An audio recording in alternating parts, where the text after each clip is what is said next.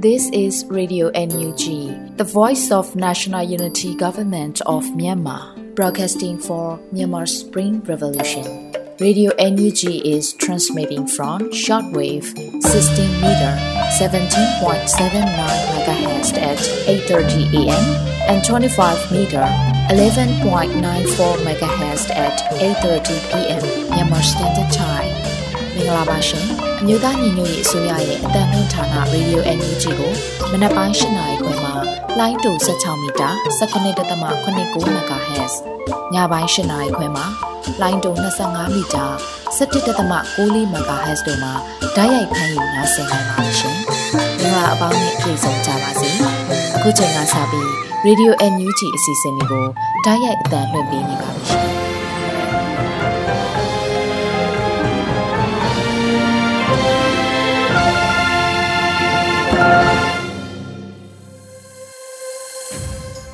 မြန်မာနိုင်ငံသူနိုင်ငံသားအပေါင်းတဘာဝဘေးဆရာနာရှင်ဘေးတို့ကနေကင်းဝေးပြီးကိုစိတ်နှပါဘေးကင်းလုံခြုံကြပါစေလို့ရေဒီယိုညူးချီဖွယ်သားများကဆုတောင်းမြတ်တာပို့သလာရပါတယ်ရှင်။အခုချိန်ကစပြီးပြည်တွင်းသတင်းတွေကိုတော့ရေဦးမိုင်ကဖတ်ကြားတင်ပြပေးပါတော့မယ်ရှင်။မင်္ဂလာပါရှင်။အခုချိန်ကစပြီးရေဒီယို UNG ရဲ့ဩဂတ်စ်လ14ရက်နေ့ညပိုင်းပြည်တွင်သတင်းများကိုဖတ်ကြားပေးပါတော့မယ်။ကျွန်မအနွေဦးမိုင်ပါ။ ပထမဆုံးအနေနဲ့စစ်ကောင်စီများလက်နဲ့ချ၍နန်းစီဒီအမ်များအလင်းဝင်ရာပြည်ထောင်စုဝင်ကြီးဒေါက်တာဇော်ဝဲစိုးတရီပေးပြောကြားတဲ့သတင်းကိုတင်ပြပေးချင်ပါတယ်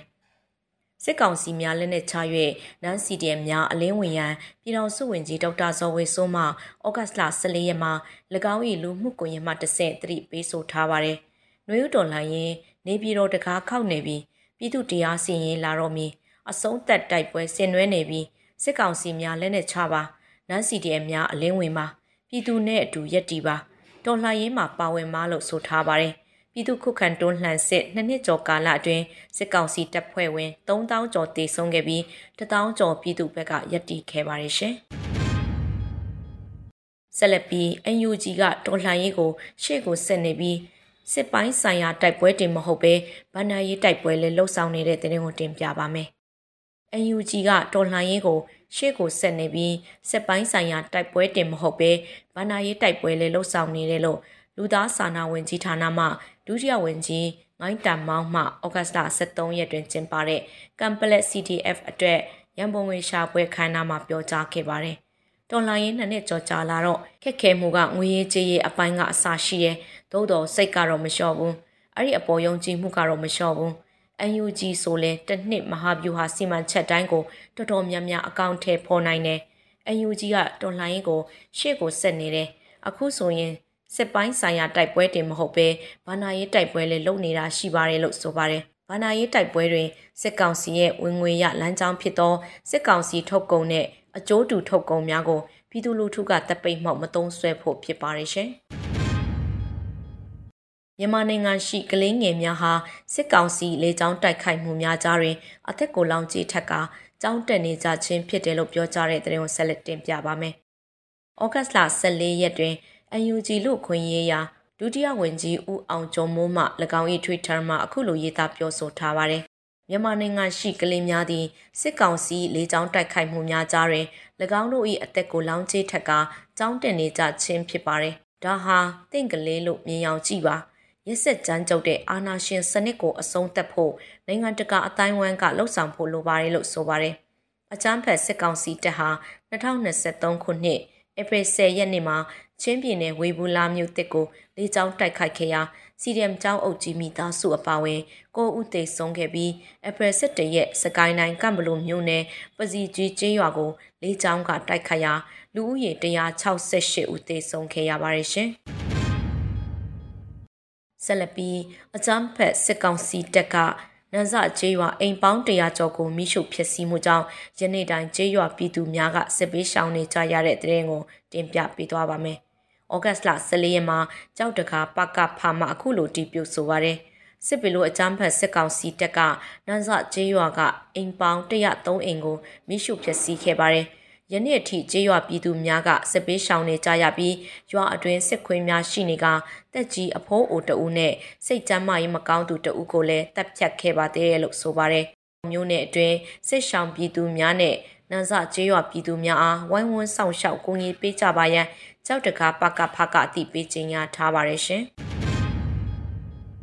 တွဲလက်ခိုင်မြဲຫນွေဦးအောင်ပွဲကမ်ပိန်း73ရက်အတွင်းလက်မှတ်ဆောင်ရင်682ဆောင်ရောင်းချနိုင်ခဲ့တဲ့တဲ့ရင်ကိုနောက်ဆုံးတင်ပြပေးပါမယ်။ဩဂတ်လ14ရက်မှာတွဲလက်ခိုင်မြဲຫນွေဦးအောင်ပွဲကမ်ပိန်းမှအခုလိုသိပေးဆိုထားပါတယ်။ကမ်ပိန်းရဲ့73ရက်တာကာလကုံဆုံးသွားခဲ့ပါပြီ။73ရက်အတွင်းလက်မှတ်ဆောင်ရင်682ဆောင်သာရောင်းချနိုင်သေးတာမို့ကမ်ပိန်းရဲ့ညှို့မှန်းချက်နဲ့နှိုင်းယှဉ်ရင်အများကြီးနည်းနေတဲ့အခြေအနေလေးဖြစ်ပါတယ်။ ကမ်ပိန်းကာလလေးအတွင်းမှာ target လေးပြည့်မီဖို့ပြည်သူတွေကိုပဲအားကိုးပြစေခမည်းလို့ဆိုပါတယ်။တွဲလက်ခိုင်မြဲຫນွေဦးအောင်ပွဲကမ်ပိန်းမှရရှိမဲ့အလူငွေရဲ့40ရာခိုင်နှုန်းဟာဆိုရင်အလုသမားဝင်ကြီးဌာနနဲ့ပို့ဆောင်ရေးဝင်ကြီးဌာနစီဒီအမ်ဝန်ထမ်းများကိုထောက်ပံ့ပေးသွားမှာဖြစ်ပြီး30ရာခိုင်နှုန်းကိုမြေပြင်အဖွဲ့များအား၎င်းကြံ30ရာခိုင်နှုန်းကိုစစ်ပေးရှောင်ပြည်သူများအား၎င်းထောက်ပို့ပေးသွားမှာဖြစ်ပါတယ်ရှင်။အခုတင်ပြခဲ့တဲ့သတင်းတွေကို Radio UNG သတင်းထောက်မင်းတီဟန်ကပေးပို့ထားတာဖြစ်ပါတယ်ရှင်။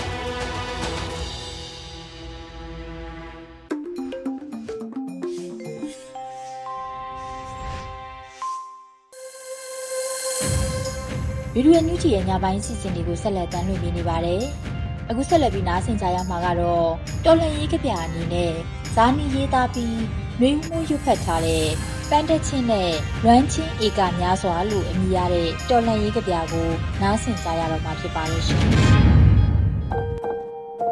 ပန်းတချင်းနဲ့လွမ်းချင်းဧကများစွာကျုပ်တို့ပို့သားလိုက်တဲ့ပန်းတချင်းမှာလွမ်းချင်းဧကပေါင်းများစွာရှိတယ်ဆိုတာယုံပါကြပါဆရာဒီပန်းချင်းဟာကျုပ်တယောက်တည်းမဟုတ်ဘူးဒီပန်းချင်းတဲ့ကပန်းတွေဟာ Shelley Vertobrat Marakowski Julia Puchin နဲ့ Neruda တို့ရဲ့ဝိညာဉ်ပုကတ်ဂုံပြုတ်အပ်သူကြပြဆရာတွေရဲ့ပန်းတချင်းနဲ့အလွမ်းတခင်းလဲဖြစ်ပါတယ်ဒီပွဲမှာခုနှစ်နှစ်သမီးလေးလဲနောက်ကျောကိုတနက်နဲ့ပြစ်တက်ခံရတယ်။ကြပြာဆရာလည်းအဖမ်းခံရပြီး24နာရီမပြည့်ခင်မှာရဲရဲဆက်ဆက်နှိပ်စက်တပ်ဖြတ်ခံရတယ်။ တဲဘောကြောင့်သူတွေရဲ့လက်ချက်နဲ့သူရဲကောင်းတွေကြဆုံးခဲ့ရတယ်။ကျုပ်တို့အားလုံးဂုံယူလိုက်ပေးရစေ။ဒါဟာဗမာပြည်ကအဖိနှိမ်မခံတော်လန်ကြပြာဆရာတွေရဲ့တမိုင်းတစ်ခုကြပြာဆရာခတ်သည်ထုစစ်ချင်းလို့လည်းမှတ်ယူပါတယ်လက်ခံပါသူရဲကောင်းကြပြဆရာလူသားတူရဲ့ကြည်မြတ်တဲ့လူတံဖို့လူကုံတိတ်ခါတွေနဲ့အညီဂုံယူစွာ ကျုပ်တို့အပိနိခံပြည်သူအားလုံးရဲ့ပန်းတချင်းနဲ့လွမ်းချင်းဧကများစွာလက်ခံလိုက်ပါသူရဲကောင်းကြပြဆရာရဲ့ဇာနီရဲရဲတောက်တော်လန်ကြပြဆရာခတ်တီကြာဆုံးခြင်းနှစ်နှစ်ပြည့်နေပြီရဲဘော်ခတ်တီကြာဆုံးစဉ်ကရေးခဲ့သောကြပြလေးကိုအမတ်တရပြန်လည်ဖော်ပြလိုက်ပါတယ်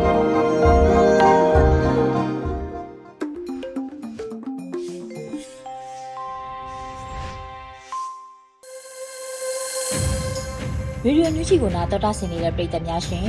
အခုဆက်လက်ပြီးနားဆင်ကြရမှာကတော့မကြေးမုံပေးပို့လာတဲ့ပကံကအလိုတော်ပြည့်ဖျားချီတော်ရင်းမှာပြိဿမွေးမြူမှုတွေရှိလာတဲ့အတွက်ရှေးဟောင်းမွေနှစ်တွေကိုထိမ့်သိမ့်ဖို့အမျှော်မြင်ထားပြီးဆောင်ရွက်တင်တယ်လို့ကျွမ်းကျင်သူတွေကထောက်ပြပြောဆိုထားတဲ့သတင်းနဲ့အတူလူထုစကားသံအစီအစဉ်ကိုတော့အရီမှတင်ဆက်ပေးပါရမရှင်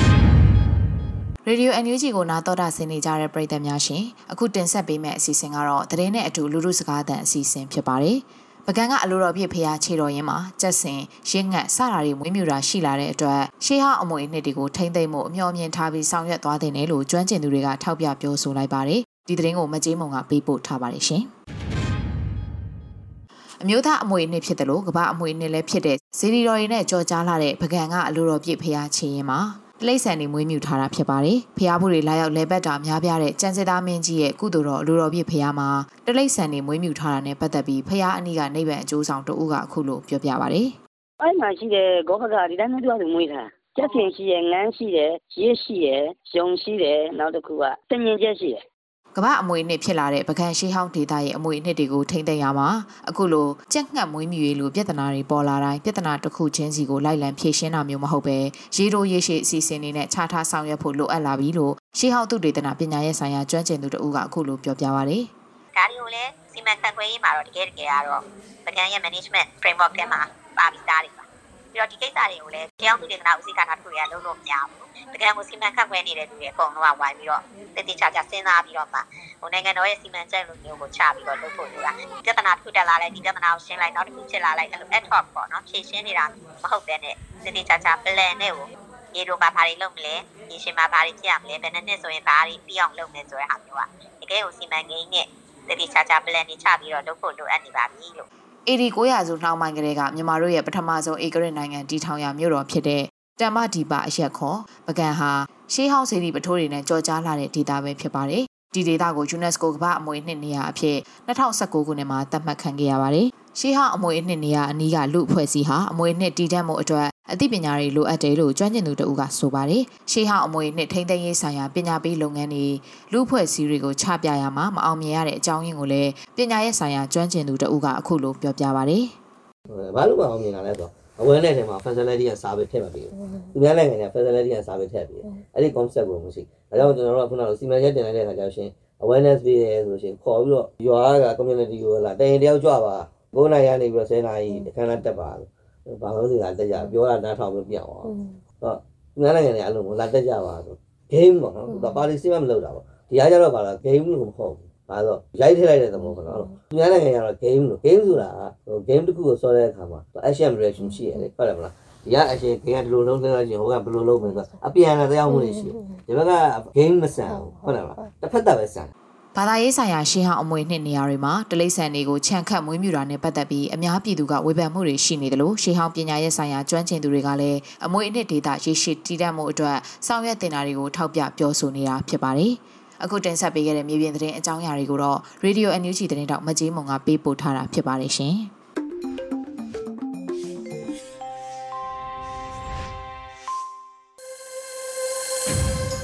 ရေဒီယိုညူဂျီရဲ့ညပိုင်းစီစဉ်တွေကိုဆက်လက်တင်ပြနေပါတယ်။အခုဆက်လက်ပြီးရဲတပ်တစ်ပတ်မိုးလေဝသအခြေအနေတွေကိုတော့မျိုးဦးနိုင်ကဖတ်ကြားတင်ပြပေးပါရမရှင်။မင်္ဂလာပါခင်ဗျာ2023ခုနှစ်ဩဂုတ်လ14ရက်နေ့မှ20ရက်နေ့အထိမိုးလေဝသအခြေအနေများကိုတင်ပြပေးပါမယ်။ယခုတစ်ပတ်အတွင်းထူးခြားချက်မှာလာမယ့်ရက်တစ်ပတ်မှာလည်းမိုးလေကာလာရဲ့လက္ခဏာရက်များဖြစ်တဲ့မုတ်တုံလေးပြားနဲ့မြောင်တန်း မွန်ဆွန်12နဲ့မုတ်တုံလေးပြားနဲ့ဆဲမွန်ဆွန်လိုးဆဲတို့ဟာအင်အားကောင်းလာခြင်းပြန်လည်အာရုံခြင်းတို့ကိုအလှည့်ကျပြောင်းလဲနေပြီးမုတ်တုံလေးအင်အားလေးအတက်ကျပြောင်းလဲစေပါတယ်။ မိုးများစေတဲ့မိုးလေကာလဟာယခုဩဂုတ်လကုန်မှာပြီးဆုံးမှာဖြစ်ပြီးစက်တင်ဘာလ၁ရက်နေ့ကစတင်ပြီးမြန်မာနိုင်ငံတပြည်လုံးမှာအနောက်တောင်မုတ်တုံလေးပြန်လည်ဆုတ်ခွာပြီးချိန်အထိကာလကိုမိုးနှောင်းကာလလို့သတ်မှတ်ထားပါတယ်။ထူးခြားချက်မှာလာမယ့်ရက်တစ်ပတ်မှာမုတ်တုံလေးဖျားနေဆဲတစ်ခုဆက်လက်ဖြစ်ပေါ်စေပြီးရေငွေများရယူကမြန်မာနိုင်ငံပေါ်သို့မုတ်တုံလေးနဲ့အတူပေးပို့နေစေဖြစ်တဲ့အတွက်ကြောင့်ကမ်းရိုးတန်းနဲ့ကုန်းတွင်းဒေသတချို့မှာမိုးဆက်လက်ပို့နေစေမှာဖြစ်ပါတယ်။ ယခုတစ်ပတ်မှာပဲခူးတိုင်းစကိုင်းတိုင်းအထက်ပိုင်းကချင်ပြည်နယ်မွန်ပြည်နယ်နဲ့တနင်္သာရီတိုင်းတို့မှာနောက်တစ်ကြိမ်ထပ်မံမိုးတီးထန်နိုင်တာကိုသတိပြုစီလိုပါတယ်။မိုးများမှုကြောင့်နောက်ဆက်တွဲဆိုးကျိုးများဖြစ်တဲ့ရေကြီးရေရှမ်းမြေပြိုဘေးများအထူးသတိထားပြင်ဆင်နေထိုင်သင့်ပါကြောင်းအသိပေးအပ်ပါတယ်။နေ့အလိုက်တစ်ပတ်စာမိုးလေဝသအခြေအနေများကိုလည်းဆက်လက်တင်ပြပေးသွားမှာဖြစ်ပါတယ်။ အော်ဂိုလာ14ရက်နေ့အတွက်မိုးလေဝသခန့်မှန်းချက်ကတော့မြန်မာနိုင်ငံအထက်ပိုင်းနဲ့အလဲပိုင်းတို့မှာအနောက်တောင်လေများတိုက်ခတ်နိုင်ပြီးတောင်ပိုင်းမှာအနောက်အနောက်တောင်လေများတိုက်ခတ်နေနိုင်ပါတယ်။နှွေမုတ်တုံအခြေအနေမှာဘင်္ဂလားပင်လယ်အော်နဲ့ကပ်ပလီပင်လယ်ပြင်တို့မှာမုတ်တုံလေအားအသင့်တင်မှအားကောင်းလာနိုင်ပါတယ်။ကုံတွင်မုတ်တုံလေဖျားနဲ့စစ်တစ်ခုဟာပြန်လည်အားပြူလာလျက်ရှိနေပါတယ်။ထူးခြားချက်မှာပုံမှန်ရှိရမယ့်နေရာထက်အရှိပူရောက်နေခြင်းဖြစ်ပါတယ်။ မိုးအခြေအနေမှာတနင်္သာရီတိုင်းမွန်ပြည်နယ်ကရင်ပြည်နယ်ရန်ကုန်တိုင်းပဲခူးတိုင်းရခိုင်ပြည်နယ်နဲ့စကိုင်းတိုင်းအထက်ပိုင်းတို့မှာနေရာစိတ်စိတ်ချင်းပြည်နယ်ရှမ်းပြည်နယ်အရှေ့ပိုင်းနဲ့ကယားပြည်နယ်တို့မှာနေရာကျဲကျဲနဲ့ကြံဒေသများမှာနေရာကွက်ကြားမိုးရွာနိုင်ပါတယ်မြမပင်လယ်ပြင်မှာအနောက်အနောက်တောင်ဘက်မှလေဟာတနအီကို10မိုင်မှ15မိုင်ခန့်အထိတိုက်ခတ်နိုင်ပြီးလှိုင်းအသင်တင်မှလှိုင်းကြီးနိုင်ပါတယ်။ဩဂုတ်လ15ရက်နေ့အတွက်မိုးလေဝသခန့်မှန်းချက်တွေကိုဆက်လက်တင်ပြပေးပါမယ်။မြန်မာနိုင်ငံအထက်ပိုင်းနဲ့အလဲပိုင်းတို့မှာအနောက်တောင်လေများတိုက်ခတ်နိုင်ပြီး တောင်ပိုင်းမှာအနောက်အနောက်တောင်လေများတိုက်ခတ်နေနိုင်ပါတယ်။မြမုတ်တုံအခြေအနေမှာဘင်္ဂလားပင်လယ်အော်နဲ့ကပ်ပလီပင်လယ်ပြင်တို့မှာမုတ်တုံလေအားအသင့်တင်မှအားကောင်းလာနိုင်ပါတယ်။ပုံတွင်မုတ်တုံလေဖျားလဲဆဲတစ်ခုဆက်လက်တည်ရှိနေပါတယ်။ထူးခြားချက်မှာ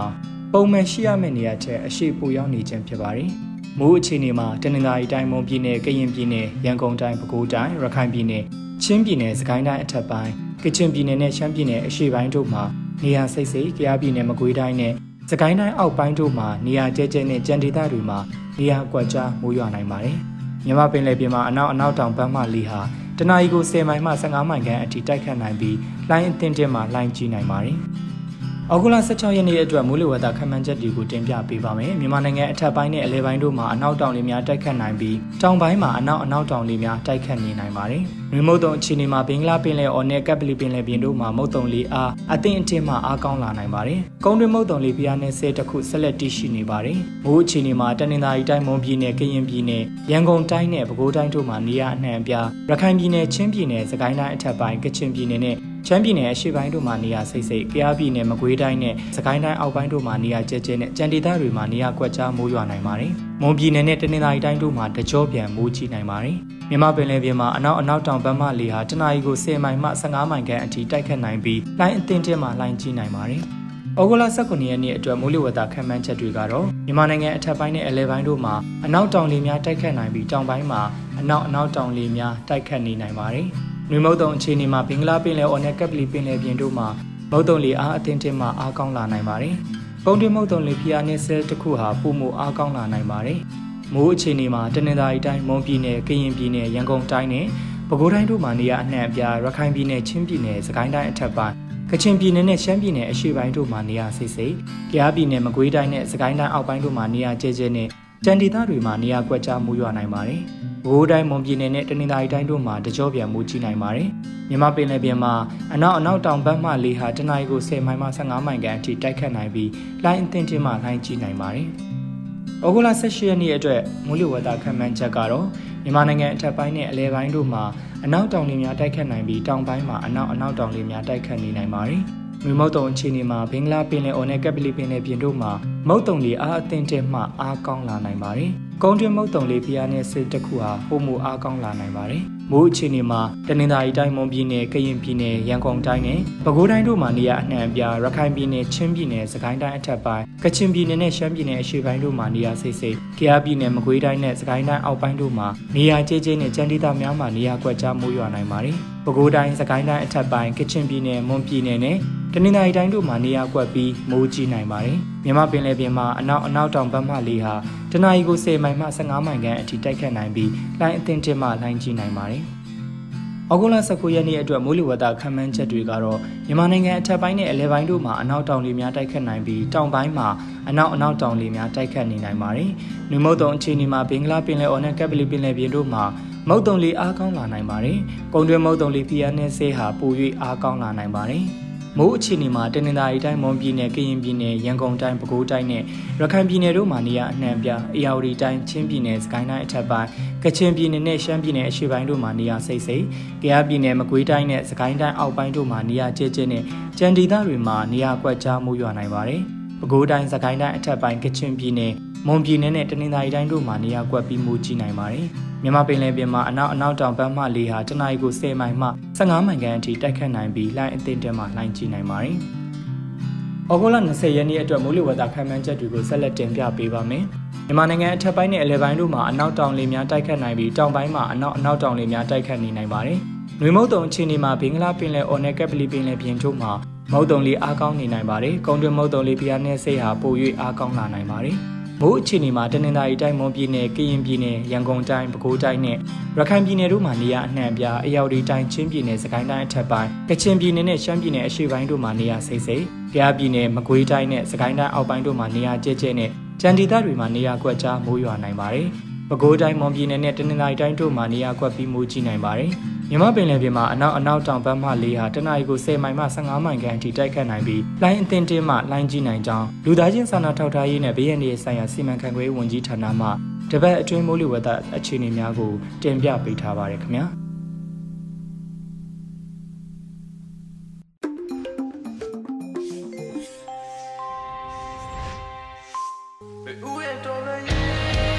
တော်တာရှင်များရှင်အခုဆက်လက်ပြီးနားဆင်ကြရမှာကတော့တော်လှန်ရေးတိဂီတာအနေနဲ့ Generation YC အဖွဲ့ရဲ့နှွေဦးရဲ့တော်လှန်ရေးမှသည်လို့အမည်ရတဲ့တော်လှန်ရေးတိဂီတာကိုနားဆင်ကြရတော့မှာဖြစ်ပါတယ်ရှင်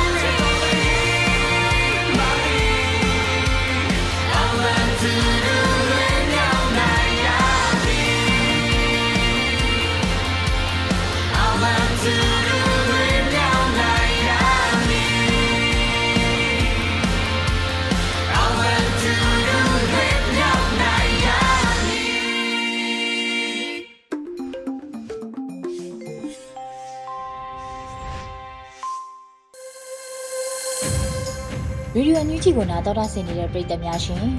အခုနောက်ဆုံးအနေနဲ့တိုင်းသားဘာသာစကားနဲ့သတင်းထုတ်လွှင့်မှုအစီအစဉ်မှာတော့တပတ်အတွင်းသတင်းတွေကိုသကောကရင်ဘာသာဖြင့်ရော်နိုဦးကွန်းကဖတ်ကြားတင်ပြပေးပါရမရှင်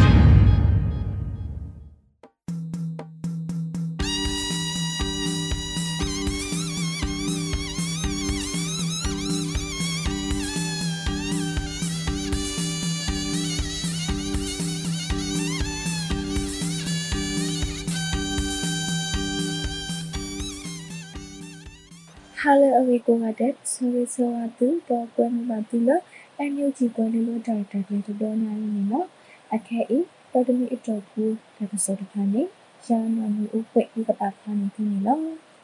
tan so ho ti ti ni we na ကော်ပီယိုတာစာတေတဖာအတန်လာတမူလာလအမေတပစအတလအမဟာဝဝတနီဟုတပစဤကမနဒတပကတအဝေကောစပုကိုတကမဝခတတဲဝဲတာဝင်းနီနော်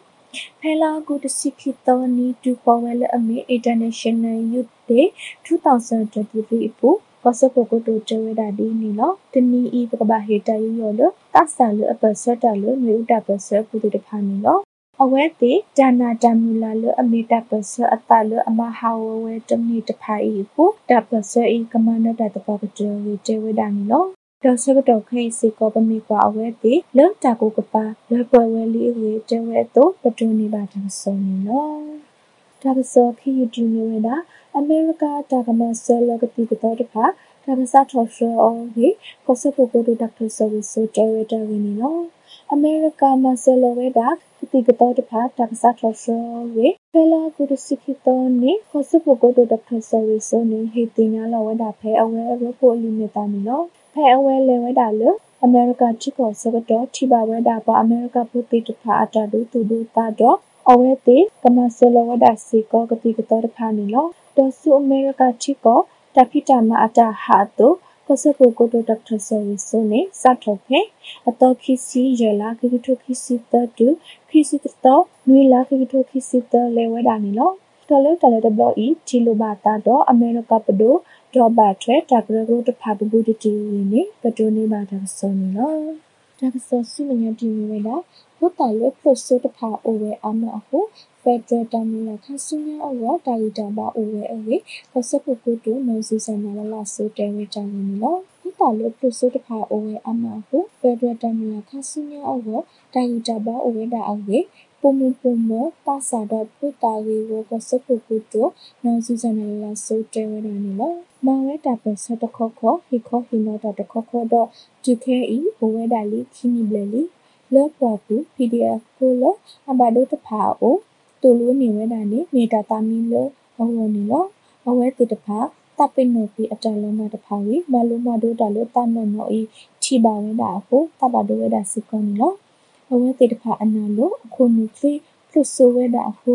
လောခါဆူညာဖက်ဒရယ်အဝမီတာဝီတာဘာဖာဒိုစကွန်လော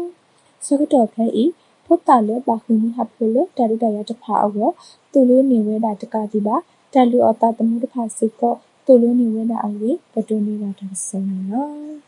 ဒါကစောလို့ပြတတီနေဝဲတာပယောတုကဟမကူဝဲတာဝေအဝဲတေအတလောအိုတော်အော်တဖာဒီတုကဘာဟိကေဝဲတာစုကမတဖာအိုရောကဘာကလဆဝဲအဝေကညောတော့ကလူတဘရကရပပလစင်နောပဒုစပေထူဝင်တဲဝဲတာဝင်လောဖဲလာကူတစီခိတောနီတူပေါ်ဝဲ ကညောတော့ကလူမထူရာမူနီနေကညောတော့ကလူတဘရကရပပလစင်နောပဒုစပေထူဝင်တဲဝဲတာဒီနီလောအခဲဤပယောတုနေလောတကိုကပါဘာတာဆဘိဆဘအနီလောဒီနေတော့ကမ္နတခါစီကောဘာပါစမေဝဲတကောတာခဲတခိတဆေကလူကလူစီကောနီလော ပယောတုတပူစီကောမန္ဒနာခဝဲတာပါချိပကောဖိုကမ္နတခါစီကောနီလောအခုပယောတုကဟမပူဝဲတာလီအဝဲတိအတလောအိုတော်အော်တဖာဒီတုကဘာဟေကီဝဲတာစုကမ္နတခါအိုရောကဘာဝကလဆဝဲတာအဝေကျော်တာနီလောတကဒီပါကညိုတော့ကလူအတတူတမနာဖော့တဲ့ကတူလို့တမနဲအောလိုဒတ်တဲ့တမီလိုအမေကဘာအိုဟူအိုဖိုလိုတာအဝေကျဝဲအတုဘဒုနေလာတာဆောနေလော တော်တမေတော့ဘူးဒါဆိုလေပါခမ်းနေပြီးတာခင်းနော်ကံလလိုအဒုကနာမှာဒါဆိုကိုဒီမှာတဲ့မတူပါမချဘူးဒီကေ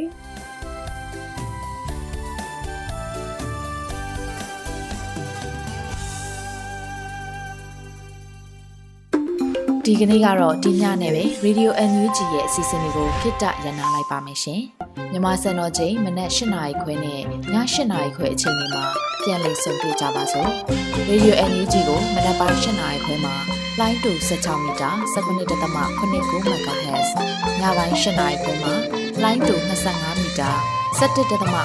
MHz တို့မှာဓာတ်ရိုက်ဖမ်းလို့နိုင်စေနိုင်ပါပြီ။မြန်မာနိုင်ငံသူနိုင်ငံသားတွေကိုစိတ်နှပြ